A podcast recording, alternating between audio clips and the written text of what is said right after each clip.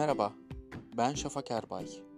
Engelsiz Girişimci programının bu haftaki konuğu ziraat mühendisi ve aynı zamanda girişimcilikle uğraşan Deniz Kazak. Kendisiyle eğitim hayatını, girişim fikirlerini ve ülkemizde uygulanan tarım ve hayvancılık politikalarını konuşuyoruz. Program başlıyor.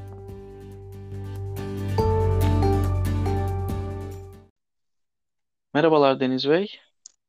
Merhabalar Şafak Bey. Ee, Engelsiz Girişimci programına hoş geldiniz. Hoş bulduk. Teşekkür ediyorum öncelikle. Rica ederim. Nasılsınız? İyiyim, sağ olun. Sizler de iyisinizdir inşallah. İyiyiz valla. Teşekkür ederiz. Yoğunlukta uğraşıyoruz. Bir şeyler yapmaya çalışıyoruz. Güzel. Ee, Deniz Bey şimdi e, Deniz Kazak'la beraberiz. E, kendisi girişimci. Şu an e, Adana Çukurova Üniversitesi'nde e, yüksek lisans yapıyor aynı zamanda. E, rica etsem biraz kendinizden bahsedebilir misiniz bize Deniz Bey? Tabii e, ben Deniz Kazak. E, Adana Çukurova Üniversitesi e, Ziraat Fakültesi'nde yüksek lisans yapıyorum. E, %62 engel, ortopedik engelliyim ben. Hı Aynı hı. zamanda yelken sporu ve e, girişimcilik üzerine uğraşıyorum. Hı E, şu anda e, bir projemiz yatırımcı ve yatırımcı bulma aşamasında. Derece hı.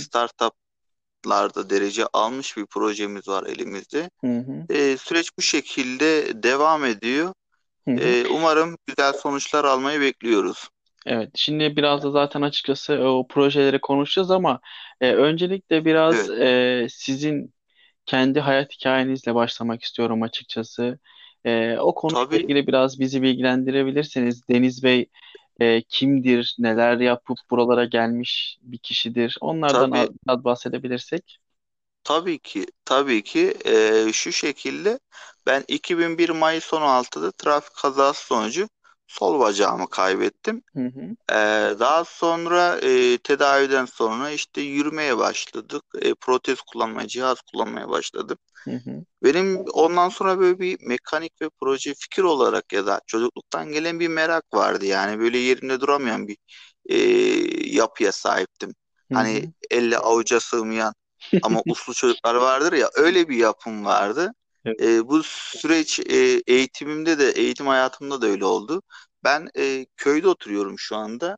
E, Hı hı, s- eğitimden dolayı e, şehir dışına çıktım. E, köyde okuduk bir süre. İlçede liseyi bitirdim. Tabii ortaokulda bir TÜBİTAK derecemiz oldu. Yine bir e, medikal yaptığım projenin ilk aşaması. hı hı, E, düşük maliyetli bir protez üretimi yapmıştık. Ve 10 13 yıla yakın bir süreyle kendi yaptığım protezi kullandım. Hani onun eksik yönleri olduğu için e, ondan sonra şu anda var olan ürünleri kullanmaya başladım. O protezde şunu söyleyeyim size. E, TÜBİTAK'ta derece almıştık biz. E, ben daha doğrusu almıştım.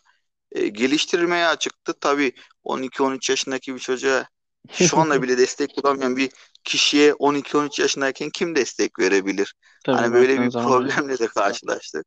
Aynen. E, daha sonra işte lise hayatına e, servis olsun, şey olsun bazen otostopla gittik eğitim hayatına. Size öyle söyleyeyim. E, bir köy böyle Gaziantep'in e, bir ilçesindesiniz. Kö- ilçenin köyündesiniz.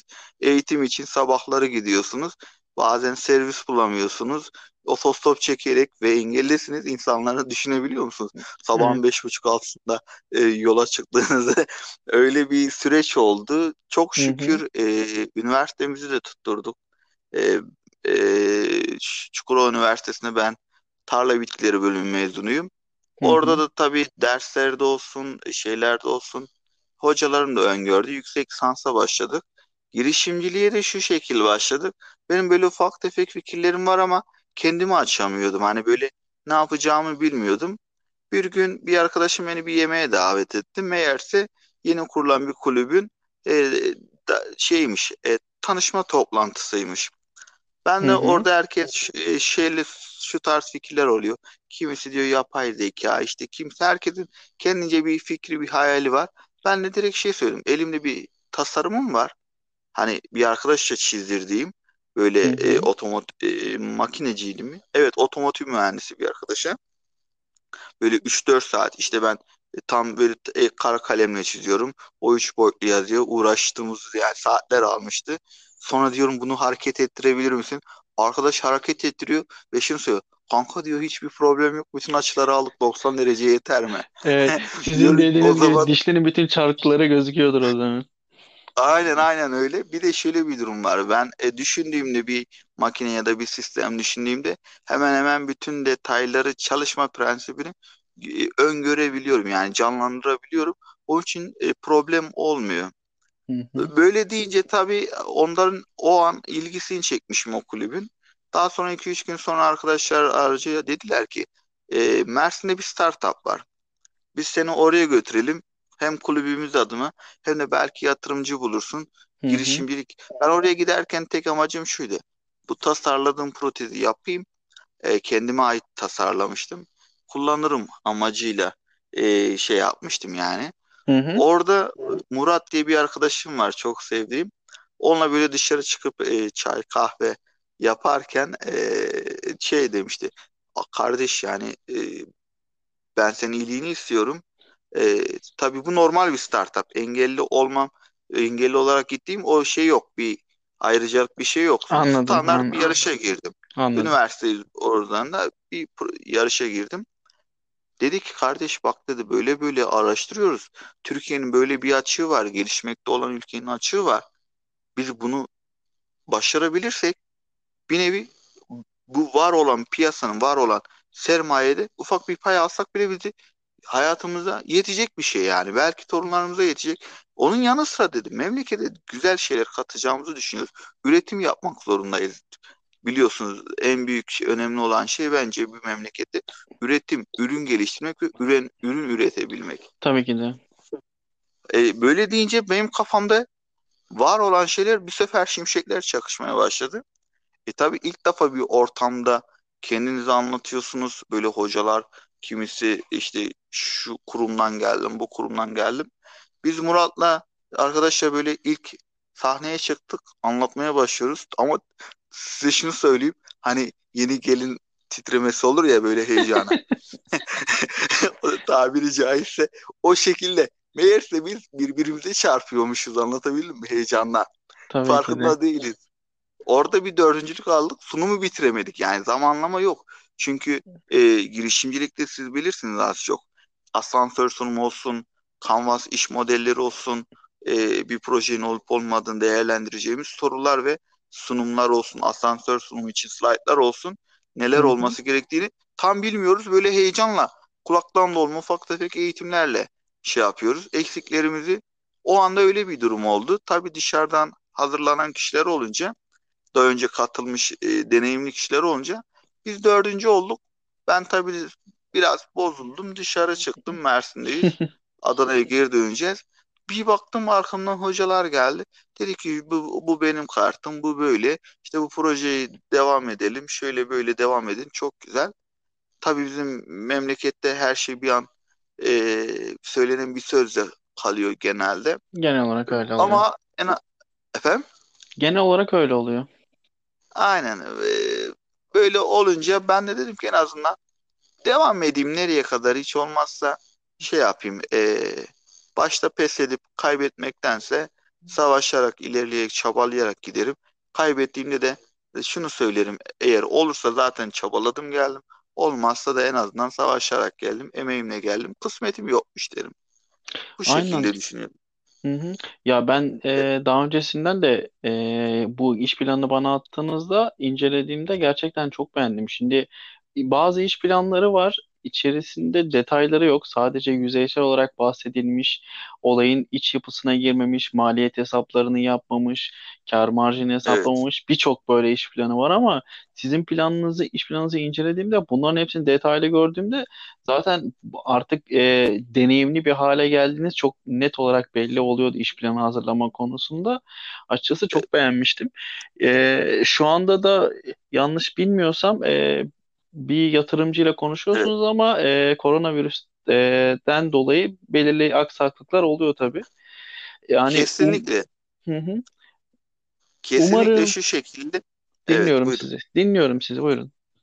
Ha, e, şöyle bir durum oldu. Biz biraz da artık belli bir yerden sonra olgunlaşmaya başlayınca tekrar bir üniversitemiz Adana'daki startup derecemizi aldık. Ofis hakkı olsun, mentor olsun. E, mentöre pek ihtiyaç duyduğumu zannetmiyorum çünkü e, biz uğraşarak, araştırarak, biraz da fikir alarak böyle sevdiğimiz insanlardan yürümeye devam etmiştik. Ondan dolayı hazırlamaya güzel bir dosya hazırlamayı olsun, bir şeyler yapmayı öğrendik diyeyim daha doğrusu öğrenebildik. Hı hı. Ee, şu süreçte işte korona olsun, ekonomik durumlar olsun koronadan dolayı e, süreç bayağı bir yavaşladı. O da bizi biraz olumsuz etkiledi. Hı Hem hı. e, psikolojik hem de şey olarak. Çünkü emeklerimiz bir yerde durdu. Durunca maalesef Ya e, Ya evet tabii buyurun. açıkçası genel olarak e, şu an çoğu proje e, duraksama konusunda e, problemler yaşıyor. E, kendi projemde aynı sekmede şu an ilerliyor. Yatırımcı yarışmasına girdik. Önce sonuçta dediler, iki hafta dediler. Şu an bir aya kadar çıkmış durumda. Biz de bekleme aşamasındayız. Alacağımız yatırım inşallah ki alabiliriz. Peki şimdi Deniz Bey, e, bu protezden ayrı olarak sizin birkaç tane daha girişiminiz var. E, anlattığınızda benim de çok beğendiğim, e, saygı duyduğum projeler.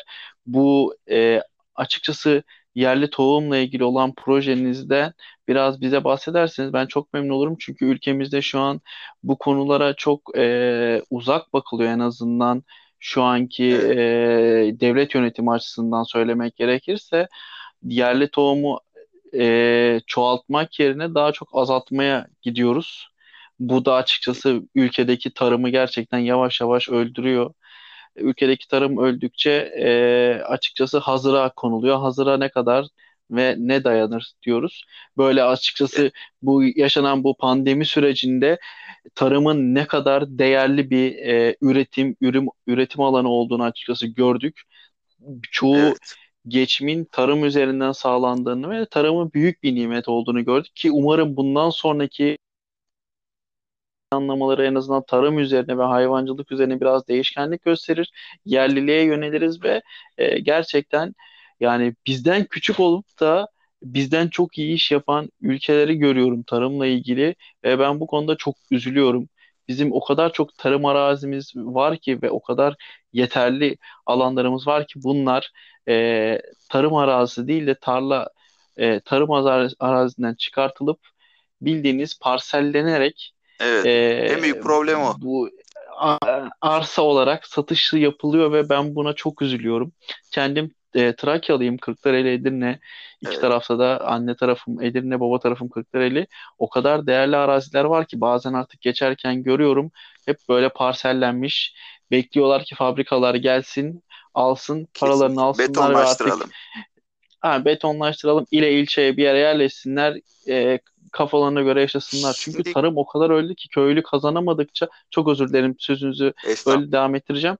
E, yerli üretici kazanamadığı sürece onlar da bir şekilde kendi geçimlerini idame ettirmek için olan arsalarını yani tarım arazilerini satıp artık ile ilçeye bir şekilde bir yerlerde tutunmaya çalışıyorlar ama bu kesinlikle yaşanan yani daha doğrusu hatalı olan devlet politikalarından kaynaklı bir durum.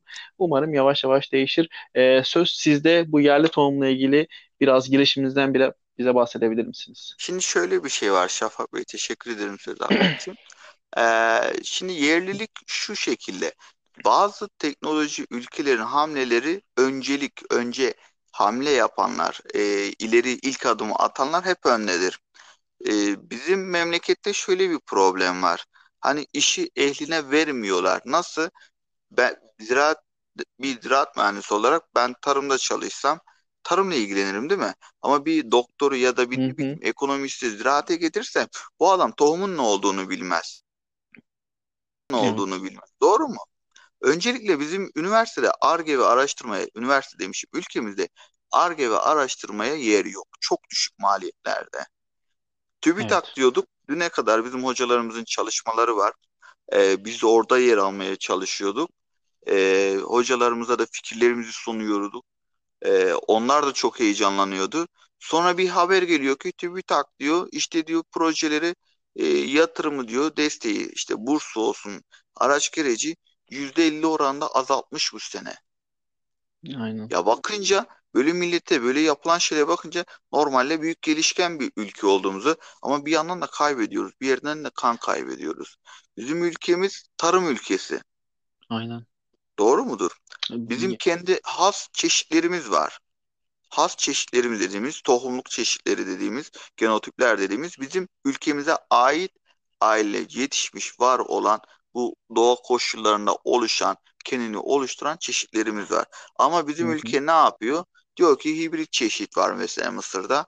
İsrail gibi ülkeler diyor ki bak diyor sen 900 kilo 500 kilo alıyorsun. Gel ben sana 1200 kilo verecek ürünü vereyim. Tohumu şu kadar diyor. Yeri geldiğinde bedava yapıyor. Çiftçimiz alıyor. Çiftçimiz alıp ekiyor, yüksek ürün alıyor. Bu sefer kendi tohumu öldüğünde, ekilmediği için elinde bittiğinde bu sefer mecbur dışarıdan İsrail bir örnektir bu. Sadece orayı karalamak değil. Birçok devlet bunu yapıyor. Hani birçok ülkede var bu yani bu örnek olarak söyledim. Hı hı. Yani bu sefer bağımlı oluyorsun. Sadece tohumla değil o tohumlara, o çeşitlere, biz çeşit deriz o e, tohum değil de çeşitler, genotipler deriz. Onların kullanabileceği ilaçlar, dayanıklı toleransı ilaçlar oluyor. İlaç satımı da devam ediyor. Aynı zamanda seni de zehirliyor ve tarlanı zehirliyor. Anlatabildim mi? Aynen. Mesela Hı hı. üniversitemizde mesela hocalarımın çalışmalarına baktığımda e, bir ıslah üzerine bir proje sunmuştum. Hani bir fikir sunmuştum. Proje değil. E, bu bir proje fikir aşaması muhabbetinde. Adam şunu söylüyor. Sen bunun altyapısını yap. Ben sana diyor şu kadar yıllık altyapımdaki bilgileri hibe yapacağım. Örnek olarak materyal olarak kullanabilmeni kullanabilirsin diyor. Evet. Ama düşününce düşününce bir yerden başlaman gerekiyor. Ama böyle düşününce diyorsun ki evet ben bunu profesyonel kişilerle yapayım. Çünkü benim bunun için bazı yeteneğe sahip üniversite olsun kişilerin e, bulmam gerekiyor. O zaman projeyi TÜBİTAK'a sunayım. E, TÜBİTAK'la desteği TÜBİTAK ya da YÖK ya da üniversite desteği çekince e, bu sefer Hı hı. eline bir şey kalmıyor ve yapamıyorsun. Ondan sonra yine dışa, dışa bağımlılık devam ediyor. Süreç böyle işliyor yani. Diğer bir diğer bir konuyu da açıklamak istiyorum. Bizim memlekette şey vardır, miras usulü vardır. Beş kardeşin bir babanın yüz dönüm tarlası varsa, iki oğlu varsa ikiye bölünür, 50 dönüm. 50 dönümü de şu şekil. Araziler hepsi eşit olanda e, toprakları olsun diye parsellenir. Gitgide küçüle küçüle küçüle toruna kaldığında 100 metre 200 metre bir arazi kalıyor. Ne yapıyor? Bu 100 metre yetmemeye başlıyor. Adam traktör alsa 100-200 dönüm 100 metre bilemedim 5 dönüm 5 dekar arazi yani 5000 metrekare için bir traktör almak mantıklı değil. Adam şi- satıp şehire gidiyor ya da şehir geliyor kentleşiyor. En Aynen. acı şeyi en acı şeyi söylüyorum. Bunu bir şikayet olarak da alabilirsiniz. Keşke üniversitemiz bizim Çukurova Üniversitesi'nde çok güzel tarım arazisi var. Üniversitenin uygulama. Şu anda böyle çok güzel böyle bizim elverişli birinci sınıf dediğimiz böyle e, organik o- madde oranı olsun, verim oranı yüksek arazileri bildiğiniz beton döküp binalar diktiler. Aynen. Ve ziraat üzerine kurulmuş bir üniversiteye bunu yapıyorlar. Ne kadar Hı hı. acı. Ve betonlaştırılmış bir yer, bina yapılmış bir arazi tekrar geri dönüştüremezsiniz. Aynen. Geri yıksanız bile o toprak iyileşmez. Yani Ya çok büyük bir yazık problem. yani ben. Çok büyük bir problem. Aynen. Ya bir de hem bu betonlaştırma olayı hem de biraz da bu normal tarım arazilerini süs bitkisi e, için böyle hobi bahçeleri de yapıyorlar açıkçası. O da büyük bir problem. E, Ya çünkü verimliliği verimliliği art, e, azaltıyor. Ama insanlar e, kendi çerçevesinde bir şeyler yapabilmek için koskoca araziyi e, ufacık bir alan için bölüyorlar ve küçültmüş oluyorlar hem de verimi azaltmış oluyorlar. Şimdi şöyle bir şey var. Bunun iki nedeni var. Ee, bölme ya da hobi bahçeleri şu şekilde. Ee, bazı bölgelerde, şehre yakın bölgelerde ya da e, mesela farz edelim ki siz bir bahçe bitkisi üretiyorsanız 3 dönüm, 5 dönüm hani yani 5000 metrekare, 10 bin metrekare ideal bir tarla olabilir. Hani bir ailenin bir çekirdek bir ailenin ihtiyacını mesela meyve ağacı olarak düşünürseniz. Ama bahçe ürünleri dediğimizde hani bu tarz e, seracılık olsun yetebilir. Ama büyük arazileri düşünürsek buğday, pamuk, ne bileyim ay çekirdeği gibi Trakya bölgesinde oluyordu değil mi? Hı hı, Sizin o evet. taraflarda. Evet. Ay, Ay, e, ayçiçeği var. Buğday da var. aynen, aynen. Mesela bunun için en büyük girdilerden birisi nedir biliyor musunuz? Yakıt, tohumdan, tohumdan çok yakıt ve bakım, gübre. Hı hı. Anlatabildim. mi? Siz bu çiftçiye desteği vermezseniz bu çiftçi ekmeyecek. Bizim şöyle de bir problemimiz var. Bak şöyle bir açık var. Ben bunu size açıklamak istiyorum. Çok dikkatimi çekmişti. Adam diyor ki ben bu sene diyor 100 dönüm arazi ektim. 100 bin TL harcadım diyor mesela. Ee, ama diyor 100 ton aldı. İşte diyor yine 100 bin TL harcadım 100 bin TL aldım diyor. Benim karım yok diyor. Tamam mı? hı. hı. Aslında ha, ben diyor seneye ekmeyeceğim diyor. Tam tersi aslında seneye de ekmesi gerekiyor. Neden biliyor musunuz? O adamın ya da o çiftçinin ekmediği tarla boş kaldığında o 100 dönüm arazideki ürünü biz dışarıdan almak zorunda kalıyoruz. Aynen Ülke öyle. olarak. Anlatabildim mi demek istediğimi? Evet. Böyle bir problem de çıkıyor. Yani sürekli bir üretimin olması gerekiyor. Evet. Bu bahsetmiş olduğunuz gübre, mazot, tohum bunlar önceden Evet, kooperatifler tarafından karşılanırdı. Çok güzel bir kooperatifleşme vardı Türkiye'de. En azından e, kendi bildiğim çerçevede söyleyeyim Trakya bölgesinde, Kırklareli evet, bölgesinde e, dedem çiftçiydi orada. E, köyümüzde e, kooperatifleşme vardı ve bu dediğiniz saydığınız bütün e, girdiler kooperatif evet, tarafından karşılanırdı ve daha sonrasında üretim yapıldıktan sonraki alınan mahsulden e, kalan evet, kar payıyla bunlar ödenirdi ve çiftçilerin işi gerçekten kolaylaştırılırdı bir şekilde. Şimdi kooperatifleşmeyi ortadan kaldırdık. Olayları komple bankalara yıkmaya başladık. Bu bankalara yıkılması e, çiftçinin belini haliyle bükmeye başladı çünkü faiz denen bir kavram ortaya çıkmaya başladı. kesinlikle. E, bu da açıkçası sizin dediğiniz duruma geliyor. 100 bin e, ya işte 100 dönüm tarlam var. 100 bin lira harcıyorum ama 100 bin lira kazanıyorum. Daha öncesinden ne yap, nasıl oluyordu? Gübre, mazot, e, tohum maliyetleri düşüktü. Çünkü yerli tohum kullanılıyordu.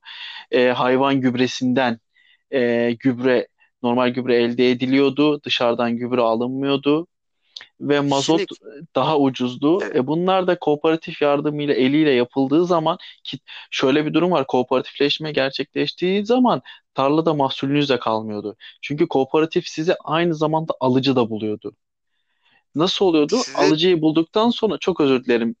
Alıcıyı bulduktan sonra şöyle bir durum var. Siz karşıdaki e, alıcı tarafından ezilmiyordunuz. Çünkü belli başta bir fiyatlandırma oluyordu kooperatif tarafından. Bunlar artık evet, olmadığı için çok büyük problemler yaşanıyor. Özür dileyerek sizi size sözü devrediyorum. size katılıyorum. Şöyle bir şey var. Aslında biz e, gübreleme olsun, hayvan gübresi olsun eskilerde dedelerimize baktığınızda diyor ki 100 kilo ektim diyor ya da 10 kilo ektim 50 kilo aldım iyiydi diyor. farz edelim. Hı hı, Yeşil devrim dediğimiz bir süreç oluyor ziraate. Bu ziraat çerçevesinde. Bunda da yapay suni gübreler oluşmaya başladı. Bununla birlikte de bu e, tohumlar geliştirilmeye başladı. Anlatabildim mi? hı hı, E, bunun sayesinde ne oldu? Ürünler 1'e 10, 1'e 20 almaya başladık. Ama nüfusun artması, e, çevresel faktörlerin değişmesi, aşırı gübre kullanım, toprağı yorması ürünü bu sefer kalitesiz ve verimin düşmesine neden oldu. Birinci sebep bu. Ayrıyeten kooperatif gelecek olursak bir de şu durum oldu. Mesela tekel tekel vardı hatırlar mısınız Evet tekel? hatırlıyorum. Hı hı, Şu anda bütün şeyleri e, şey oldu, kamulaştırıldı vesaire evet. vesaire neyse. Hı hı, Ee, şöyle bir durum vardı. Ben hatırlıyorum 24 yaşındayım. 5-6 yaşındaydım. Ee, bizim burada Gaziantep'in burada üzümler oluşur. Hani bazı bizim buraya hızar tahtası dediğimiz e, tekele üzümler, kasa kasa üzümler götürdük. Antep fıstığı yetişene kadar üzümleri çiftçi e, o üzümlerle en azından e, Antep fıstığı 20 yılda yetişiyor. 18-15 yıl. bakım ve arazi çeşide göre değişiyor kişiden hı. kişiye. E, o süreci en azından kazanç sağlayabiliyordu. Anlatabildim mi? E tekeli Evet. kapattılar. Mesela ko şey vardı yine tekel buğday arpa alıyordu. Ben hatırlıyorum bizim bu Evet. köyün köyümüzden traktörler peş peşe, kamyonlar peş peşe giderdi. Aynen. Hani nerede şimdi? Şimdi yok. Şimdi yok maalesef. Bir de son şey anlatmak istiyorum. Şöyle bir durum oldu. Bizim tekelden bahs aş- bah söz ettiniz. Ee, mesela Adıyaman'da tütün yetiştiriciliği yapıyor değil mi? Evet. Tekele diyor ki tekerle bütün üreticileri diyor ki yaptığınız ürünleri ben sizden satın alacağım diyor. 2 yıl 3 yıllığına bir böyle bir söz sözleşme yapıyorlar çiftçiyle. Bunu duyan, bunu duyan bizim Ankara'da, Bursa'da, İstanbul'da holding sahibi böyle büyük iş adamlarımız geliyor. Bütün arazileri, bütün dağ, tarlayı kiralıyor, tütün ekiyor. Anlatabildim mi? Bu Evet. sefer tekel almakla zorunlu olduğu için sözleşmede verdiği Evet. vaatlerde ürünü alıyor, imha etmeye başlıyor zararına. Neden? O adamlar çünkü söz verdi. Çiftçinin normal çiftçinin elindeki bu sefer de şu yola gidiyor.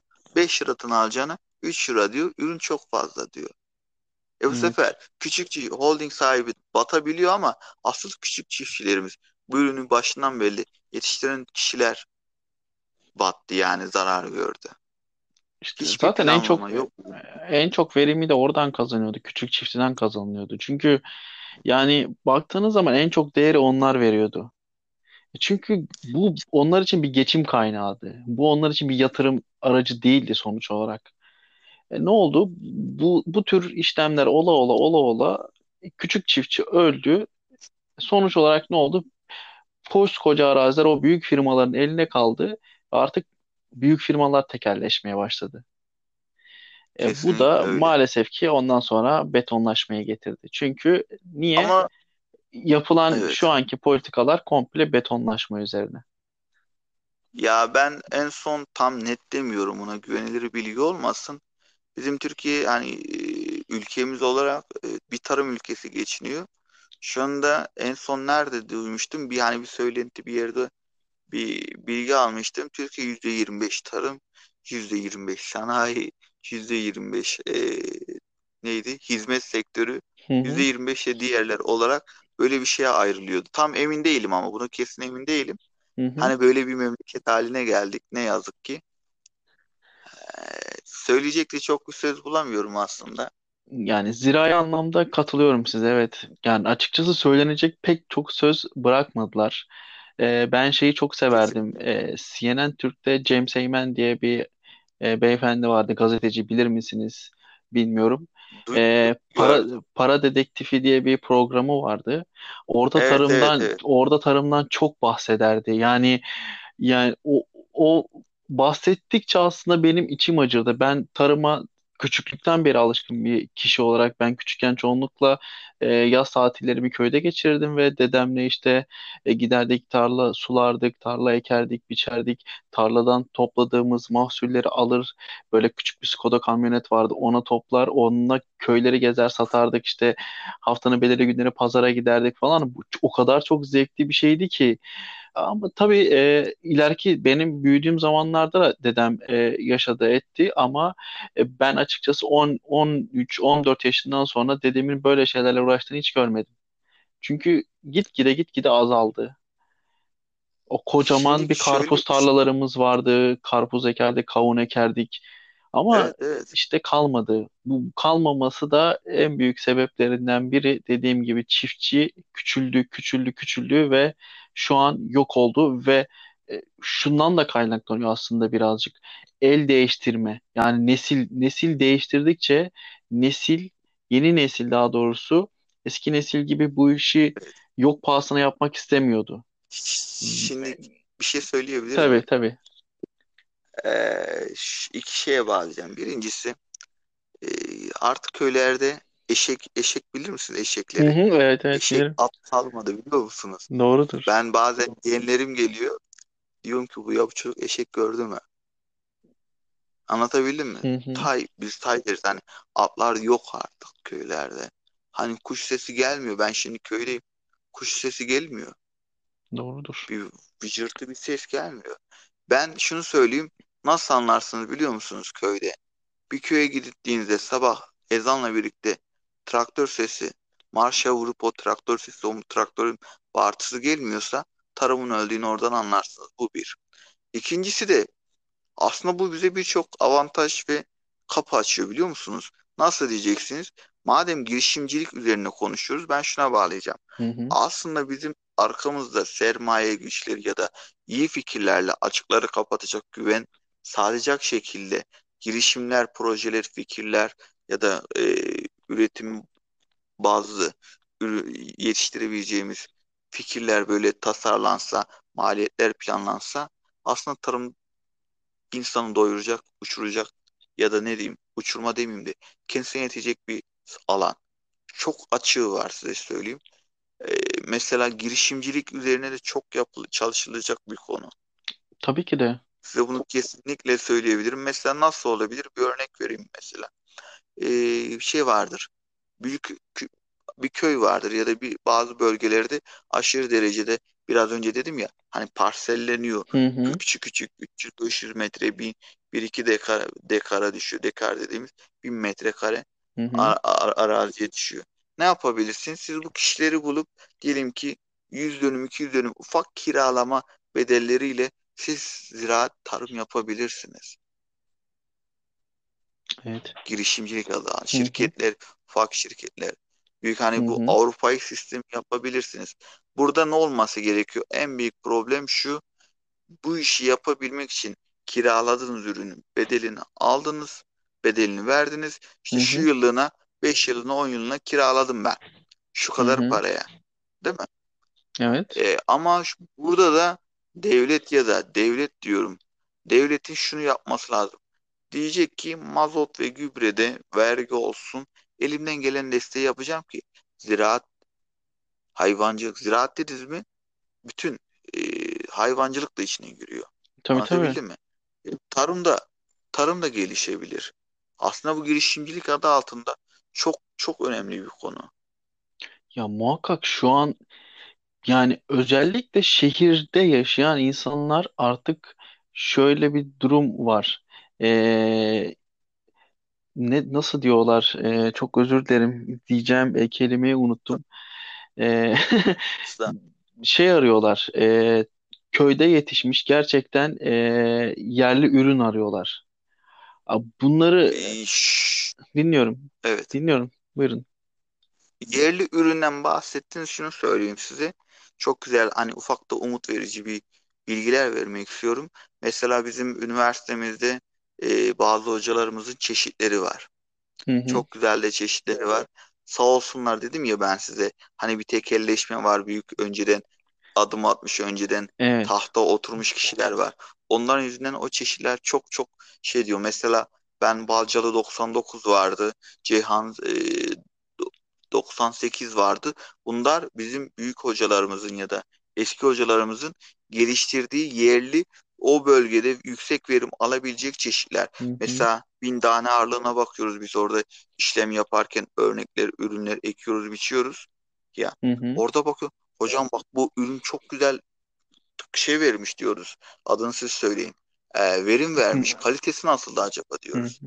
Hocam diyor çok güzeldi ama diyor işte bunu üretecek bir tane adam bulamadık diyor çoğaltacak. Maalesef. Bu arada az önceki Mesela bizim unuttuğum e, kelime organikti. Çok özür diliyorum. ha organik. Mesela organik kelimesi de biraz şey geliyor. Bir şey söyleyeyim. Ee, biraz artık sıradanlaşmaya başladı. Ee, o biraz da tuzak gibi bir şey biliyor Genel musunuz? olarak tutsak olarak kullanılıyor şehirlerde. Aynen aynen öyle kullanılıyor. Adam diyor ki kurt varsa diyor işte bilmem ne varsa şey diyor adın size Organiktir. organiktir diyor. hı. Aynen. Yok ya öyle değil o iş. Ben size söyleyeyim mesela örnek olarak hani tuzakları söylüyorum. Aynı şey olabilir. Siz bir ilacı son dönemde biz ilaçları periyodik olarak atarız. Son iki periyodunu biraz kaçırırsanız meyveye kurt da düşer. Aynen. Aa organik o zaman kurt var canlı var çünkü. Aynen. Anlatabildim Evet. En basit bir yaklaşım. Evet ama Yani böyle dur. Şimdi Evet buyurun. şehirdeki insanlar bunu arıyor. Şimdi bunu fırsat bilen birkaç tane e, şey var, girişim var. Biliyorum duydunuz mu? İpek'in Çiftliği diye bir yer var mesela. E, Çok benzer şeyler çok fazla var e, var evet ama burası mesela çoğunlukla tabii ki e, zengin kesime hitap eden bir çiftlik. Hatta Trakya bölgesinde. E, bir de bu Evet. konuyla ilgili biraz da bu işi girişime döken tazedirekt.com diye bir site var. Belki bunu da duymuşsunuzdur, benzeri var. bilmiyorum. Ben size bir şey söyleyeyim. Hı hı. Çok fazla benzeri var. Muhakkak, muhakkak, muhakkak vardır ama bunlar e, işi gerçekten ehliyle yapan fi- e, yerler. Bu tazedirekt.com şunu yapıyor. Bu ürünü kendi ekmiyor. Gerçekten e, Evet. eken köylüyü buluyor ve bunu alıp ürünleri alıp testlerden geçirip şehirdeki halka satıyor. Bu bunu yapıyor yani bu firma. Bu da çok güzel bir şey. Mesela en başta dediğim İpek'in çiftliği onlar da kendi e, oldukları bölgedeki arazileri alıp kendileri yetiştirip mesela özel e, biraz daha e, üst segmentteki kişilere satıyorlar. Bu gibi girişimler geliştirilebilir, e, daha farklı şeyler ortaya çıkabilir.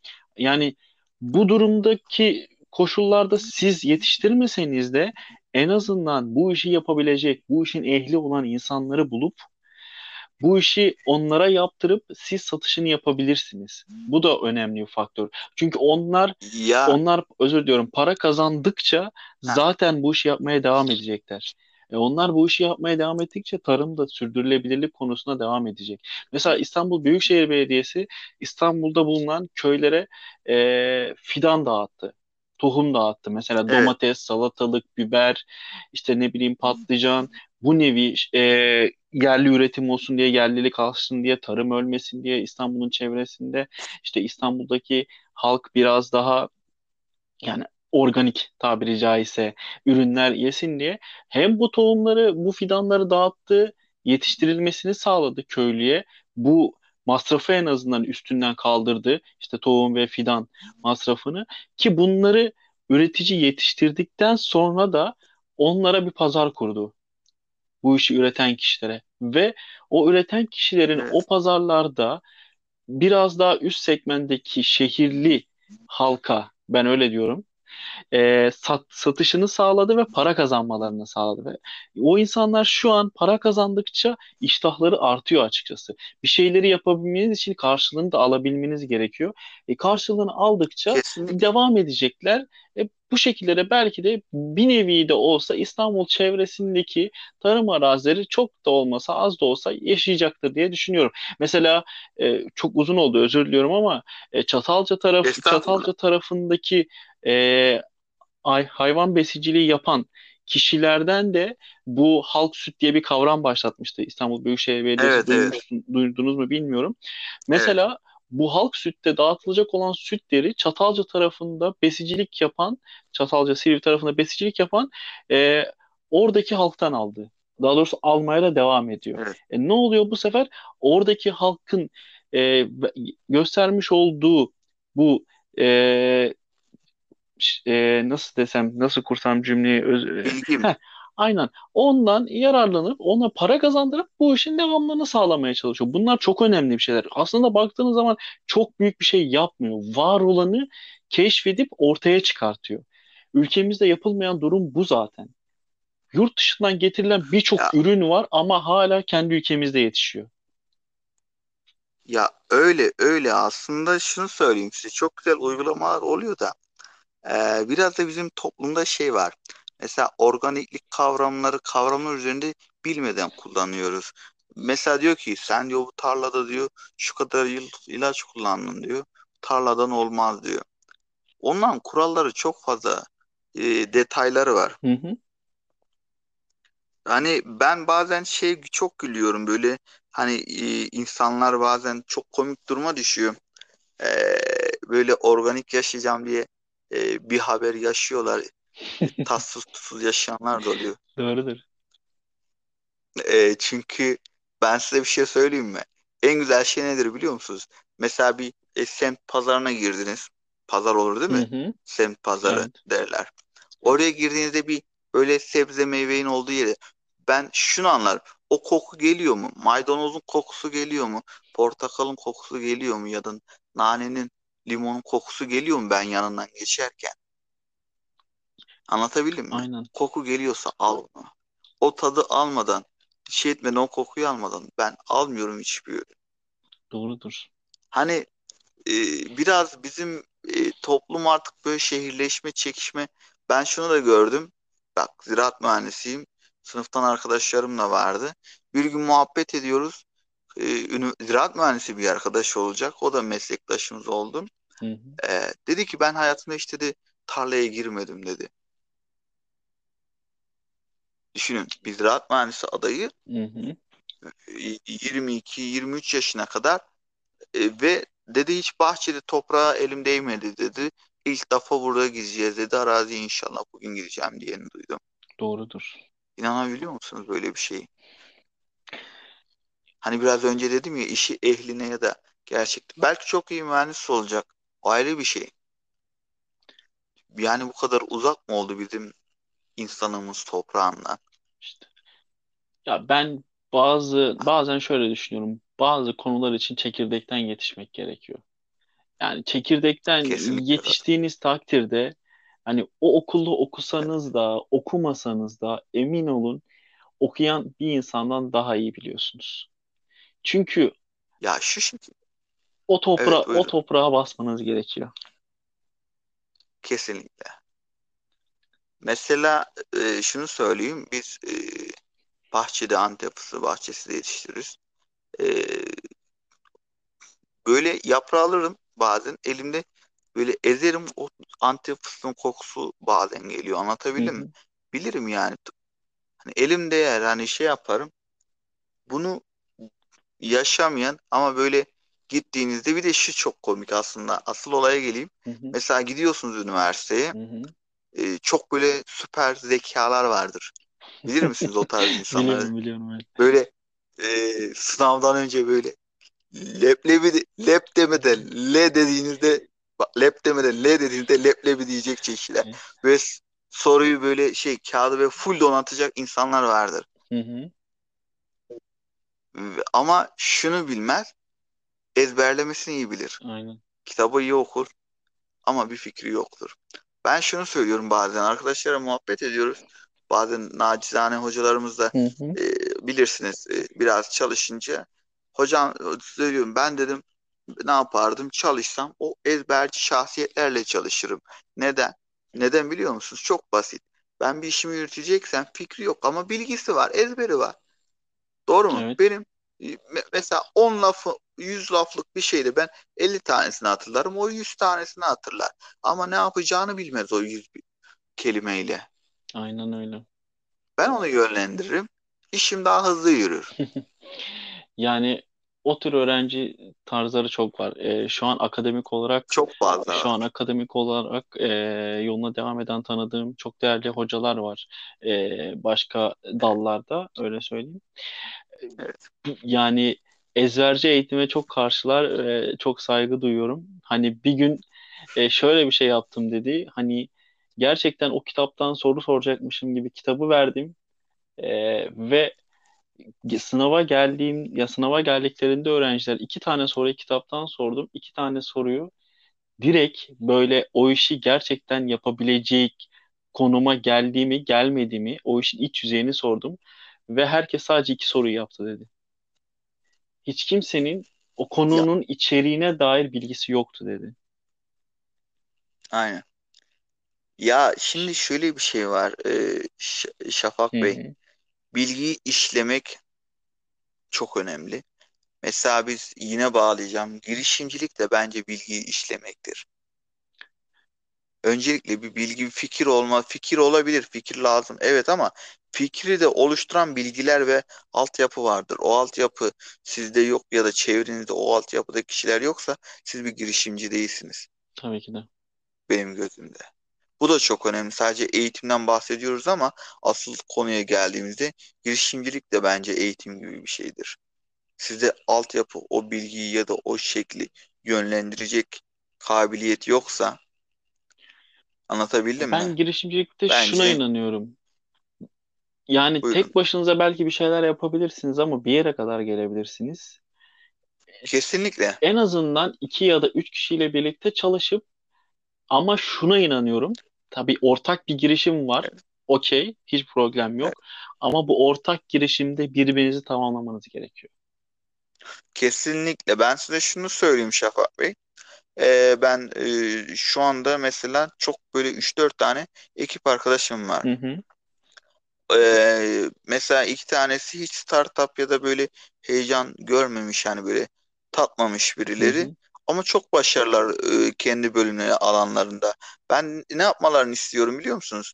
Eğer şey olmasaydı dedim ki ben size herhangi bir fikirle ve ya ben ne bileyim böyle sadece ortamı, o heyecanı, o girişimcilik adı altında ortamdaki eğitimleri alabilmeniz, kendinizi geliştirebilmeniz için o or- ortaya atacak atıyorum biliyor musunuz arkadaşlar ki hı hı. benim ne yap nasıl yapmak istediğimi en azından bilgileriyle birlikte bana gelince ufak da bir eğitim ya da bir aşı diyeyim yani böyle bir şeyle gelince işimiz daha hızlı yürüyeceğine inanıyorum. Aynen, Anlatabildim mi? doğrudur. Ben mesela bir tane bir tane oldu e, kulübe dedim ki şu şu şu arkadaşlar gitsin. Neden? Dedim ki benle bunlar çalışıyorsa hani iş yapıyoruz tamam çok güzel makinecisin, çok güzel elektronikçisin, iyi tasarım yapıyorsun ama girişimcilik iyi tasarım ya da bir şeyi tek başına biraz önce söylediğiniz gibi tek başına bir yere kadar gelebiliyorsunuz. Aynen. Bu heyecanı, bu eğitimleri ya da bu ortamı, o sunum, o sahneye çıkın ki çıkman lazım ki ne, benim ne demek, ne istediğimi anlayacaksın. Yani tamamıyla Ve şunu söyleyeyim, üzüldüğüm bir nokta var e, Şafak Bey. Ben e, bir sebepten dolayı Antep'e döndüm. Ufak bir startup ya- yapmışlardı. Arkadaşlara ne kadar sıkıştırmama rağmen sağ olsun arkadaşlar ben olmadığım için startup'a girmemişler. Ben de dedim ki ya siz girseydiniz en azından oradaki ortam, oradaki heyecan, oradaki o insanları tanımak ya da o insanların hayallerine ya da birilerine yardımcı olmak size çok şey katacaktı değil mi? Yani katılıyorum. Ama şunun üstüne Yani basa ya vurgulamak istiyorum. Bir iş bir yere kadar tek başına yürüyor. Ondan sonra kesinlikle bir kesinlikle, ekibiniz olması lazım. Ama şunu bilmeniz gerekiyor. Ekibin birbirini tamamlaması gerekiyor. Ekipteki kesinlikle. herkes sadece aynı şeyi biliyorsa o ekip ekip olmaz. O oradaki ekibin Ya üç ben dört kişinin ya da iki üç kişinin evet farklı konularda, farklı alanlarda birbirlerini tamamlayacak derecede bir şeyler bilmesi gerekiyor. bu çok bu çok önemli biliyor musunuz? Evet. Bakın size bir soru bir şey söyleyeyim. Ee, bir arkadaşın sorusunu söyleyeyim. Hı hı. Yani ziraatçı olunca şu geliyor bana. Hatta iki, iki kişiyle denk geldim. Birkaç tane de en çok aklımda kadar. Diyor ki Deniz diyor efendim diyorum. Diyor ki acaba diyor bu hayvanlar diyor işte buğday arpa yiyor. Evet. E bunların diyor sindirilmemesini sindiril sindirim yapmamasını sağlayıp diyor aynı zamanda hayvana arpa vermiş Hı olacak. hı. Sindirim yapmayacak. Hayvan dışkısından geri onu doğaya salacak hı. da buğday arpa ya da tohumlar oluşacak. hı. Ben de dedim ki sen dedim bu dediğin çok saçma dedim. Nasıl? Zaten hayvan o tohumu yiyorsa o tohumdaki proteini ondan sonra nişasta eşik pardon Hı hı. şekeri şeyi alıp sindiriyor o tohumu öldürüp öyle dışkısıyla atıyor dedim. Evet. Böyle bir saçmalık olabilir mi dedim. Hani böyle saçma soru da geliyor. Bir tanesi de şey söylüyor. E, patateste diyor işte nişasta var. Evet ben şeker hastasıyım. Nişastayı düşürebilir miyiz? Ben de şunu söyledim. Öncelikle dedim nişasta ve şeker bitkisi olarak geçen bir bitkiyi sen nasıl şekerden ya da nişastadan ayırabilirsin? Evet. İkisinin birleşimiyle zaten meydana gelen bir durum patates. Yani bu bitkinin bu bitkinin adı bu bitkiden geliyor. Aynen. Nişasta ve şeker bitkisi diye. Sen diyorsun ki şekeri nasıl çıkartabiliriz? Yani evet yani bilemiyorum dediğim gibi bazı insanlar böyle bazen açık aramak için de böyle tuhaf sorularla e, insanları arada bırakmaya çalışabiliyorlar ama bu emin ol bilgili olduklarından kaynaklı değil e, seni sıkıştırabilmek Kesinlikle. amaçlı ya da bir başkasını sıkıştırabilmek amaçlı yapılan e, kelime oyunları adı veriyorum ben buna. E, şimdi biraz da toplam, toparlamak gerekirse e, Deniz Bey Tabii bayağı bir 50 dakika oldu ama çok güzel sohbet oldu. Çok teşekkür ediyorum. E, evet ben, e, ben de e, teşekkür şimdi ederim. son olarak toplamak gerekirse son sözleriniz varsa, söylemek istedikleriniz varsa e, ben sözü size bırakayım. Daha sonrasında kapatalım. Tamam ben bir tek bir şey söylüyorum. Engelli ya da engelsiz olmamız hiçbir şey değiştirmiyor. Biz içimizde e, ilerleme, girişimcilik ruhu ya da bir şeyleri çabalama ruhu olduğu sürece, kendi zincirlerimizi kırdığımız sürece hiçbir şey önümüzde duramaz. Hiç yıkılmaktan da korkmamak gerekiyor. Anlatabildim mi? Düştüğümüz yerden üzerimize sirkeleyip tekrar yürüyüp devam etmemiz gerekiyor. Hiçbir olumsuzluk bizi geri ya da ilerlet ya geriletmemeli ya da durdurmamalı. Ben bir tek buna inanıyorum. Bu şekilde de devam ediyorum yani kısacası. Ben söylediklerinize tümüyle katılıyorum. Yani engel şahıs olarak ya da e, beden olarak değil aslında kafadadır. Kafadaki engelleri Kesinlikle. aşabilirseniz herkesin Evet, yapabilecek eminim ki bir fikri, bir, bir şey vardır, üretebileceği muhakkak bir şey vardır. Önemli olan o kafadaki engeli aşıp açığa çıkmak, kendinizi açığa vurmak daha doğrusu özgüven sahibi kesinlikle. olabilmeniz en önemli faktörlerden biri. Bunlar gerçekleştirdiği zaman herkesin yapabilecek, üretebilecek muhakkak bir şeyleri vardır. Ee, ben bizi dinlediğiniz için çok teşekkür ediyorum. Biraz uzun bir program oldu. Kusura bakmayın ama e, çok Evet. güzel bir sohbet oldu. Ee, bizi dinlediğiniz için çok teşekkür ediyorum. Bir dahaki programda görüşmek Ben dileğiyle. Hoşça kalın. ben de teşekkür ediyorum. Görüşmek üzere.